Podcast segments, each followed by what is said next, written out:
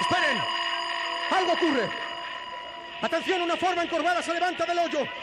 Me parece distinguir algo parecido a un, a un- a un fino, fino rayo de luz dirigido contra una especie, no sé, de, de- de espejo, pero... ¿Pero qué es esto? Pontevedra Viva Radio. Una tertulia sí, es una gente, un grupo de gente que se reúne para hablar de determinadas cosas, de lo que quieran. Un chorro de llamas salta desde ese espejo sobre la gente que empieza a correr. Las personas están cayendo al suelo. Dios mío, todos están abrazando. Todo el campo está comenzando a arder. Los árboles, las granjas, los depósitos de combustible de los automóviles. El fuego se extiende por todas partes, señoras y señores. ¡Viene hacia! ¡Lo tengo prácticamente encima! ¡Atención, compañeros! ¡Tengo que...!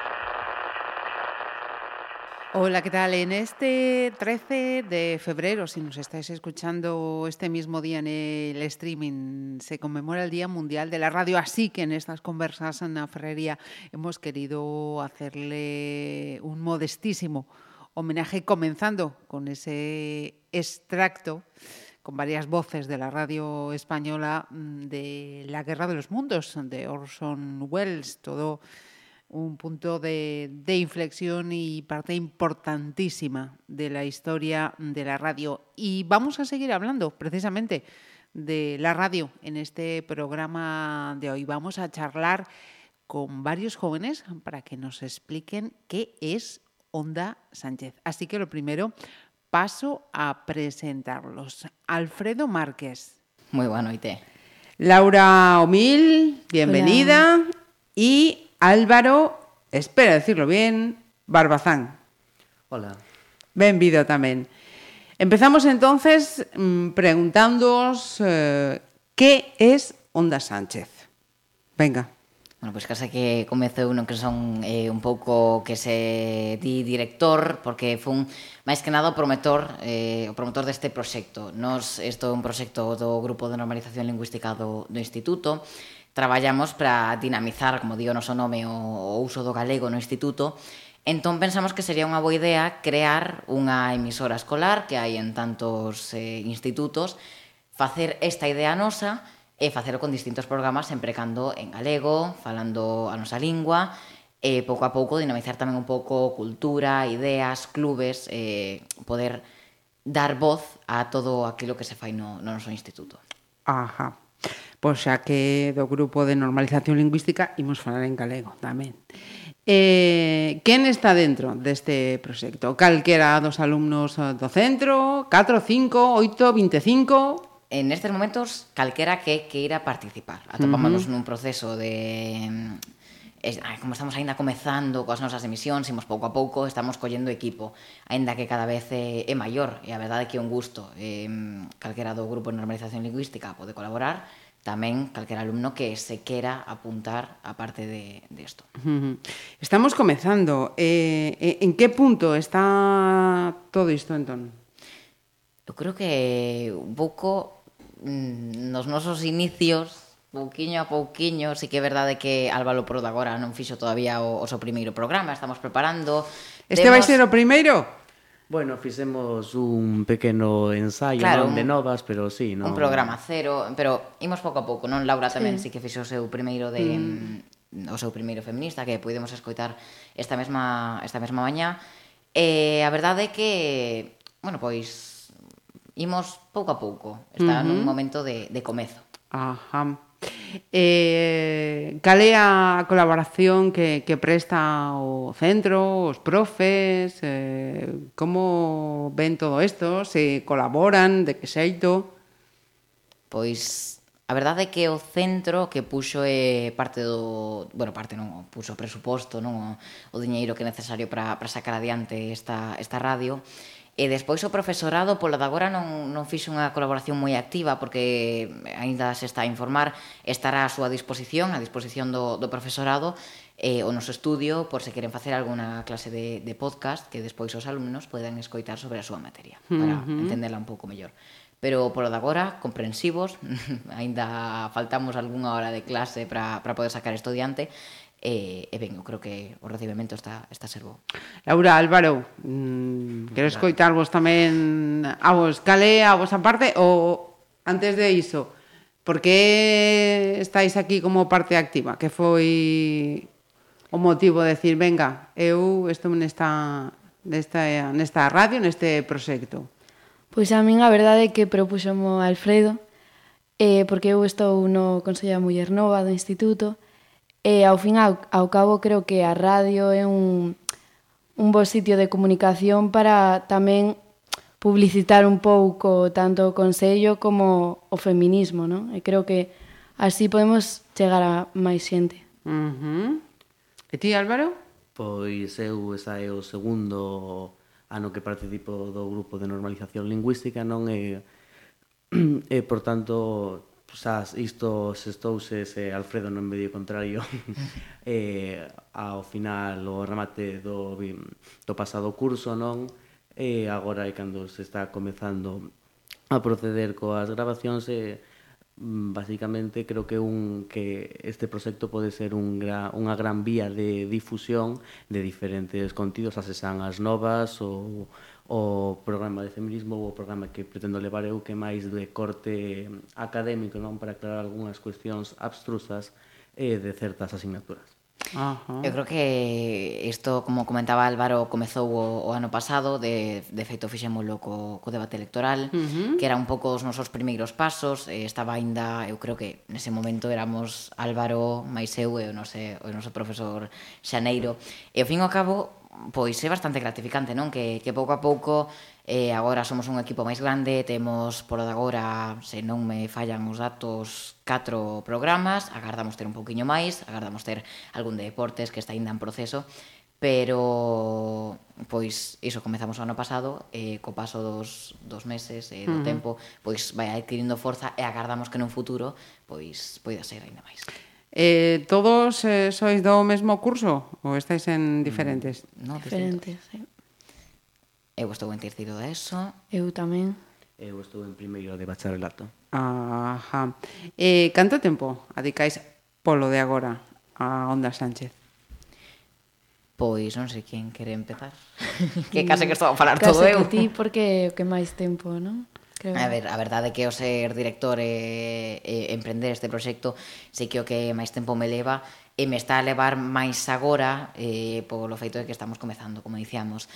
Pero, xa te digo que dedico, non sei, unhas dúas horas ponlle a facer os guións e, e poder concordar os horarios para, para gravar dúas horas, tres a, a semana. A semana, mm, ben. Eh, futuro hacia medios de comunicación, cada un de vos, isto é o pois unha experiencia máis eh, desta etapa. Alfredo sé que sí. Xa o dixo outro día nunha charla que tivemos que el sí, el, o seu é o, o xornalismo, non? Sí. Eh, no teu caso? Pois eu creo que é unha experiencia, non? eu nunca estive na radio, nin traballei en nada parecido, pero pareceme interesante Uh -huh. É sempre bo para, para aprender? No meu caso non, eh, pero considero que, como ben dicía Laura, é unha boa experiencia, como dicen eu previamente, em, creo que é un maravilloso medio eh, de difusión. Uh -huh. Eh, falabais de feminismo, eu teño aquí sinalado tamén de cambio climático. Cambio climático. Uh -huh Deportes en proceso. Deportes, temos en proceso. Estamos a falar cos alumnos de Tafaz, o ciclo de, de deportes que hai no noso instituto, uh -huh. que están un pouco máis especializados e son os que organizan a maioría dos, dos proxectos deste, deste estilo no, no instituto. Ajá. E Álvaro, en cuestións xa máis de axuda en cuestións académicas, non? Eh, uh -huh. Sí. Ajá. Eu quería preguntar xa que estamos eh, aquí a, a vosa opinión sobre, pues, por exemplo, esos programas sobre feminismo. Por qué? Porque hai que dar eh, visibilidade, porque Laura dixo hai que facelo sí o sí, hai interés, hai preocupación, hai reivindicación. Como se vive, planteáis esta cuestión no vosso entorno? o. Laura, veña, veña, muller.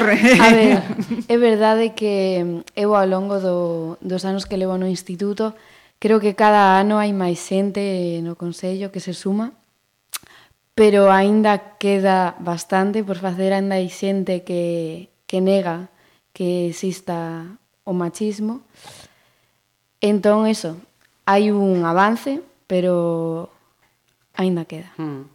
Cal sería a visión que hai que dar nese espazo que ti levarás, entendo, neste, nesta radio de Onda, Onda Sánchez? Pois eu tiña pensado falar diferentes temas, non? dependendo da, da semana. Agora, como estamos co 8M, pois non falamos das actividades que hai, pero tamén falar pois un día, porque agora estamos tamén eh, tentando facer un clube de diversidade. Entón tamén falar algún día de, de diversidade, outro pois de violencia de xénero, ir tratando diferentes temas de forma que a xente poda velo mellor e o mellor xente que, que non o vía facerlle abrir os ollos. En esa tarefa estáis as chicas ou tamén están eles? Pois No Consello hai algún neno, poucos, moi poucos, pero hai algún. De momento na radio, ninguén. Pero... Uh -huh.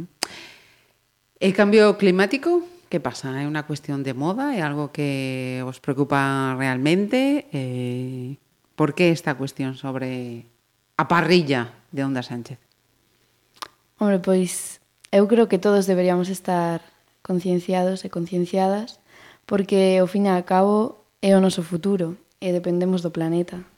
Uh -huh. O que temos son, son programas sobre isto, pero que o, o ter programas nun instituto sobre estes temas reflexa que o que hai é cada vez unha sociedade nova máis activista e que loita máis polas súas ideas. Entón, nos o que facemos é reflectir que cales son os clubes e as ideas dos alumnos do noso instituto. Uh -huh. E o resto dos compañeiros que están a decir do proxecto? Eles dicen, non, non, eu escoito, de falar deixo para vos. Pois depende de, de algún ou de algunha que algún se nos apunta, outros que, que uh -huh. non eu, polo menos en terceiro de eso, sí, somos, sí, sí. Mm, case que o curso, bueno, segundo e terceiro somos os que máis colaboramos, non sei se en primeiro bacharelato, en bacharelato Álvaro, non sei se... Mm, bueno, ainda, ainda non, pero como ainda estamos, como ben dixemos antes, no inicio deste proceso, agardo que haza máis colaboración. Uh -huh. Eh, eu quería tamén, eh, aproveitando que temos aquí estes eh, rapaces, que estamos no medio de comunicación, Quería preguntarvos eh, cale a vosa opinión sobre a imaxe que dan os medios de comunicación sobre a xente da vosa idade. Ui, e vou que difícil un por un, eh? Sí, sí. Quen comeza? Veña, cada uno que queira. Álvaro, non? Que se che daba en filosofía, de juego.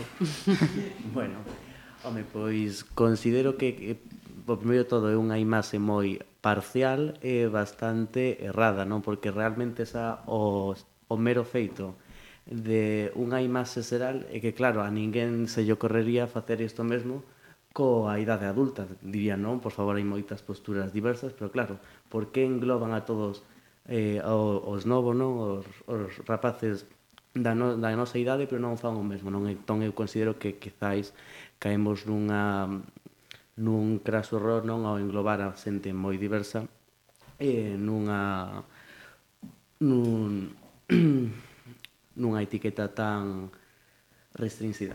Uh -huh. Ou seja que para ti eh, estamos a falar dunha xeración con moita diversidade. Uh -huh. Atopas logo... moitas diferencias. Eh, sí, non? Como ben dicías, agora en breve a verse por fin sae o, o club de diversidade, non? Mm. Enfocado...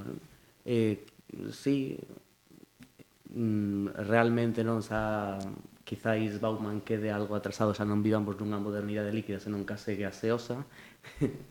entón, eh, eh, a, a catalogación de certos aspectos considero que cada vez é máis é máis difusa, non, non podemos aprender os diferentes aspectos da realidade en normas tan fechadas. Mm -hmm.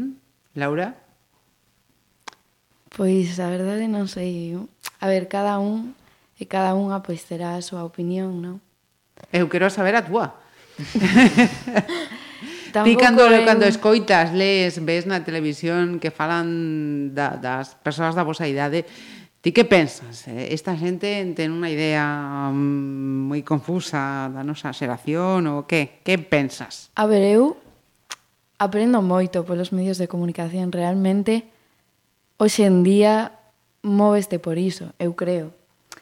E sí que é verdade que hai cousas que encántanme, estou moi de acordo con xente que fala, e tamén con outras persoas estou estou mo, moi en desacordo, entón uh -huh. é un pouco é o que decía Álvaro que hai opinións moi moi diversas, entón. Uh -huh. Ti eh estás identificada cando falamos dos dos adolescentes de de agora, dices, pois pues, sí, eu estou nese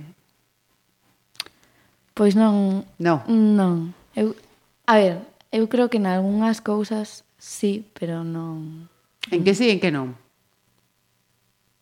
É que non o sei, porque... Pero bueno, eu creo que, que Laura, ningún dos que nos atopamos aquí, non?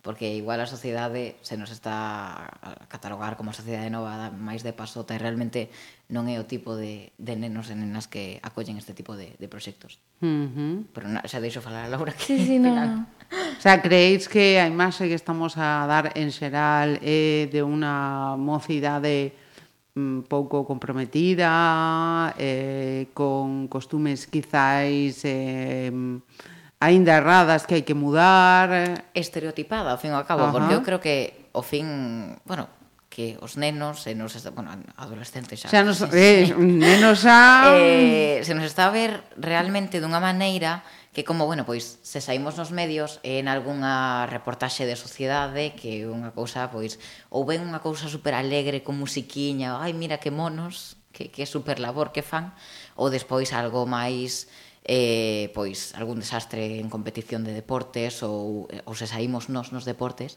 saímos porque os, os pais pois acaban en fatas pelexas tremendas uh -huh. nos, nos partidos de, bueno, pois nos que os protagonistas teríamos que ser os nenos. Entón eu creo que realmente esa imaxe tan estereotipada de que case que non podemos pensar non deixa ver esa parte de nós que realmente ten ideas, pero que non se dan a coñecer. O sea, xa que cando falamos de adolescentes e temos al lado a imaxe dun rapaz pegado a un teléfono, unha tablet, a todas esas cosas, estamos equivocados. Sempre depende do caso. Claro. Aquí hai que ser moi galego, aquí hai que decir depende. Ni Pero... subo, ni baixo. depende. Pero eu creo que habería que dar un pouco máis de, de cancha a coñecer máis profundamente a, a xente de os nenos e nenas de AP. Uh -huh. Laura, di algo?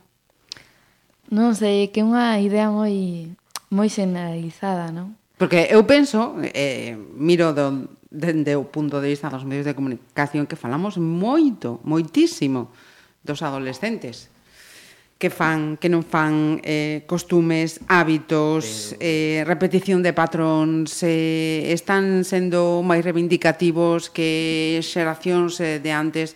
Eu penso que falamos eh, moito e quizáis non sempre acertados. E iso é o que quero saber eu. Pero claro, igual a cousa é que non se ve como, como algo de todo serio.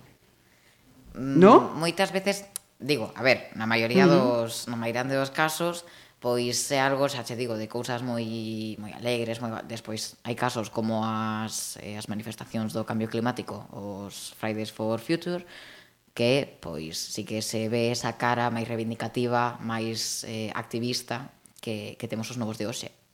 Pero vamos, que a min é o exemplo que se me ven á cabeza. O sea, xa, eu creo que en determinadas celebracións que un pouco a ollada de como ven os adolescentes este día de hoxe.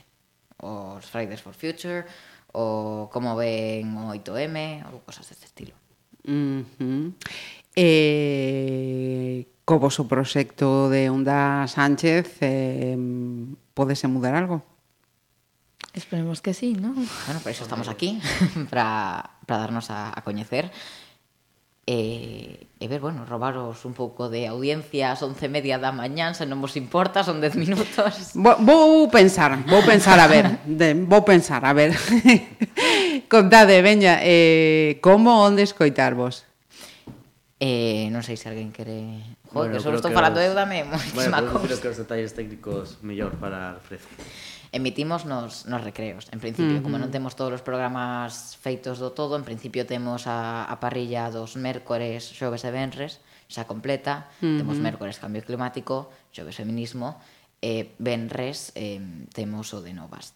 Moi próximamente teremos o de cultura e despois estamos co de deportes. Uh -huh. O cultura é o máis próximo, o máis próximo. Eh, se nos pode coita, escoitar a través da plataforma Spreaker, que uh eh, -huh. é tan simple como uh -huh. buscar spreaker.com, uh -huh. buscar Onda Sánchez. Escrito Spreaker. Spreaker, con Para K. que na... Eso es. eh, e iso que en spreaker.com pois se nos pode escoitar podes escoitar todo o que sexa de Onda Sánchez uh -huh. tanto as emisións que facemos en directo como despois se pode escoitar o que ven sendo o podcast uh -huh. que eu creo que é o máis cómodo non que calquera momento de onde sexa tendo conexión, iso sí, podes escoitar. Non hai que aguardar ao recreo. Cada un escoita claro, cando, cando o que queira, queira e sí. como queira. Pois mira, temos algo en común tamén. pois eh, desexamos eh, moita sorte que os guste a profesión. Alfredo, xa sei que va polo xornalismo. Ti? No, Ainda non sabes. Eh, Álvaro? pois eu decantaríame por filosofía. Chicos, moitísimas grazas e moita sorte co proxecto, vale? Gracias. Gracias.